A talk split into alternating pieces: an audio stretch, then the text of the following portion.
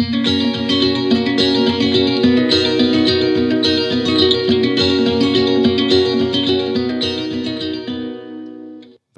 til Danske Bankers, podkasten for deg som vil vite hva som rører seg i markedet fra uke til uke. Mitt navn er Fredrik Ask Stensrud, og med meg som vanlig har jeg vår sjefstrateg Christian Lie. Velkommen, Christian. Takk for det. Hva er det som har skjedd denne uken her, Christian? Det har vært uh, ganske mye, får en si. Uh, vi har hatt uh, rentekutt fra den amerikanske sentralbanken. Vi har hatt ganske mange økonomiske nøkkeltall. og ikke minst har det kommet nye signaler både i forhold til brexit og i forhold til dialogen mellom USA og Kina. Hvis vi begynner med noe av det som var forventa, og kanskje noe av det som er viktigst for, mange investorer i øyeblikket, det er jo at den amerikanske sentralbanken senket styringsrenten for tredje gang i år. Men de signaliserte at det er ikke sikkert de kommer til å kutte renten flere ganger. Alt avhenger av hvordan økonomien eh, utvikler seg. Og Hvis man ser på litt av bakgrunnen for hvorfor den amerikanske sentralbanken har kutta rentene, så har det vært i hovedsak tre ting. Det ene har vært svakhet i industrisektoren. Det andre er potensielle negative ringvirkninger fra handelskonflikten med Kina. Og det tredje er eh, fortsatt inflasjon under sentralbankens eh, målsetning. Og det som kanskje overrasket eh, mange i det sentralbanksjefen sa etter, etter nyheten ble kjent, det var at de bl.a. legger litt lit til denne fase 1-avtalen mellom USA og Kina. Og at impulsen fra denne handelskonflikten kanskje da blir noe mindre fremover. Men det som mange kommenterer på, det er jo at dette for så vidt ikke er en undertegnet, av, undertegnet eh, avtale ennå. Og at det kan komme nye skjær i sjøen i, i, forholdet mellom USA og Kina. Men de har i hvert fall kuttet styringsrenten, og det er bra for eh, økonomien. Og det bør i utgangspunktet også være med på å gi støtte til aksjemarkedet. Ellers så har vi fått eh, BNP-veksttall fra amerikansk økonomi for tredje kvartal, og det viste en litt bedre enn ventet, såkalt annualisert eh, vekstrate på 1,9% Og Det som var eh, det viktigste å trekke ut av dette, her, var at det private forbruket, som vi vet utgjør rundt 70% av amerikansk økonomi, fortsatte å vokse ganske bra, med 2,9 eh, vekstrate.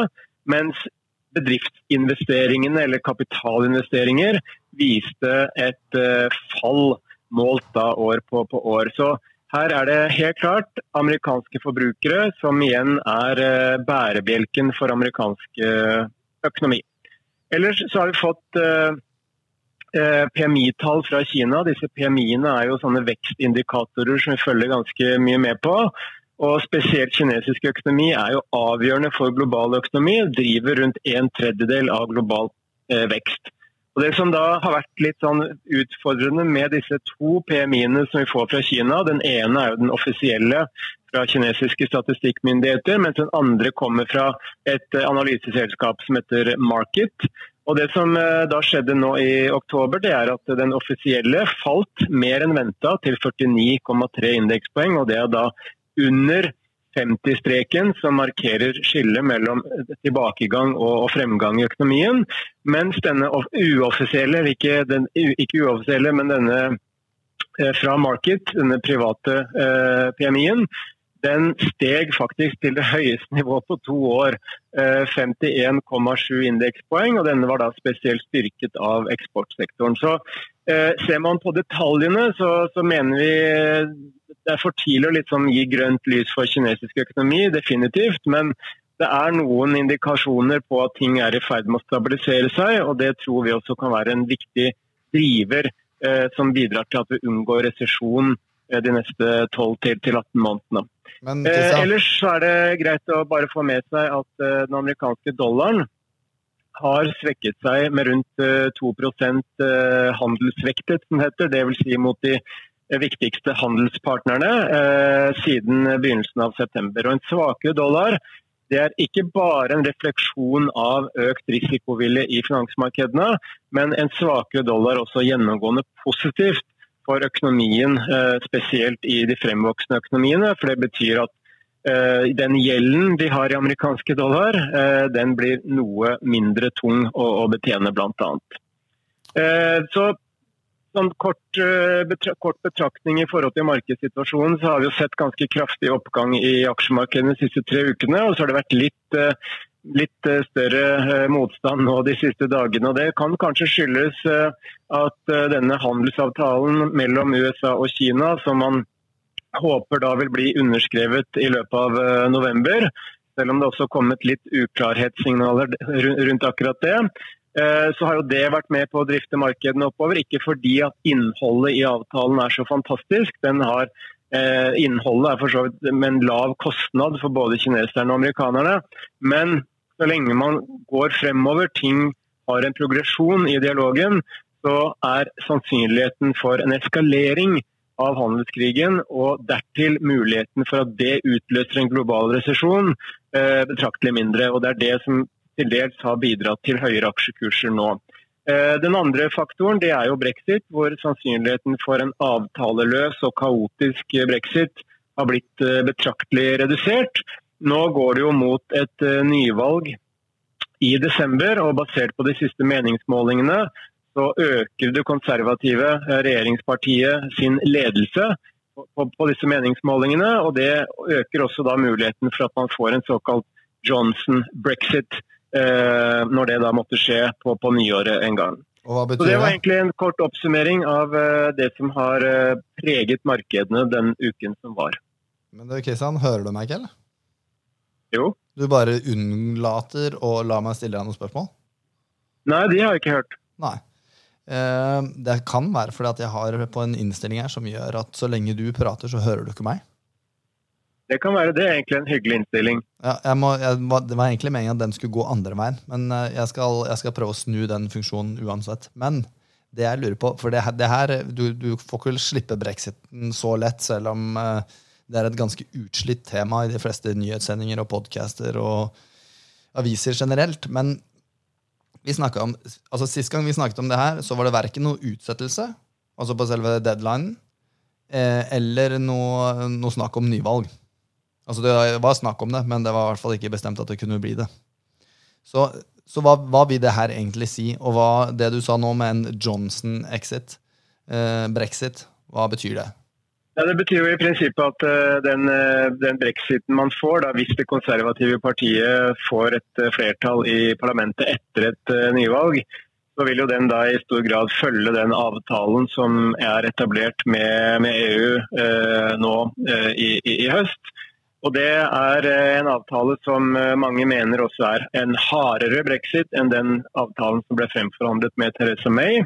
Og De fleste prognoser tilsier at selv den avtalen vil være negativ for britisk eh, økonomi. Så, så lenge dette vedvarer uten en avklaring, så vil det tynge britisk økonomi. Vi har akkurat fått uh, en, en, måling som viser at stemningen blant britiske husholdninger har falt til det laveste nivået på seks år. Så Det viktigste her er egentlig bare å få en avklaring, så man kan komme videre. Uh, egentlig så fort som mulig. Det tynger sentimentet i den britiske økonomien. Finnes det noen sannsynlighet for at hele brexit-avgjørelsen kan reverseres? Altså at eh, de blir? Ja, Det vil i så fall eh, forutsette at eh, Labour, altså det britiske arbeiderpartiet, får et flertall i valget og håper å si, går seirende ut av, av, valget. For da har de sagt at de ønsker en, en ny folkeavstemning om brexit. Så da kan sannsynligheten øke for at man får en reversering. Ja, og Hvilken sannsynlighet har vi på det akkurat nå? Det har, det har vi ikke noe sannsynlighet for, egentlig. fordi det er et puslespill som er så uh, behe, behe, uh, beheftet med stor usikkerhet, så jeg tror det er meningsløst å sette uh, prosenter på. Ok. Det er, det er, fair nok. Hva er det som skjer neste uke? Christian? Det er vel noen veldig viktige tall som kommer senere i dag, men fortell meg. Ja, jeg tenkte egentlig bare å nevne de tallene som kommer i dag også. Eh, vi får jo arbeidsmarkedsrapporten fra USA. Den blir veldig veldig viktig nok en gang. Eh, Bl.a. fordi at, eh, som nevnt, privat forbruk i USA utgjør 70% av økonomien. Og fordi USA er verdens største økonomi, så utgjør privat forbruk i USA faktisk 16% av global økonomi. Og Skulle vi få tegn til svekkelse i det amerikanske arbeidsmarkedet, så kan det være en ordentlig negativ støt til risikoviljen i, i finansmarkedene. Og Vi får også ISM-indeksen fra industrien klokka tre i dag. Så disse to tallene til sammen kan være litt sånn make or break for stemningen i, i, blant investorer. Eh, på tirsdag så får vi ISM-indeksen for eh, tjenesteytende sektor i USA. og Den er viktig fordi den falt sist til det laveste nivået siden 2016. Og vi vet jo Servicesektoren har liksom vært uh, rimelig sterk, drevet bl.a. av uh, lav arbeidsledighet og, bra privat forbruk. Men den viser svakhetstegn, ikke bare i USA, men også i Europa bl.a. Torsdag så får vi også noe som er relatert til de to førstnevnte, nemlig forbrukertillitsundersøkelse fra USA.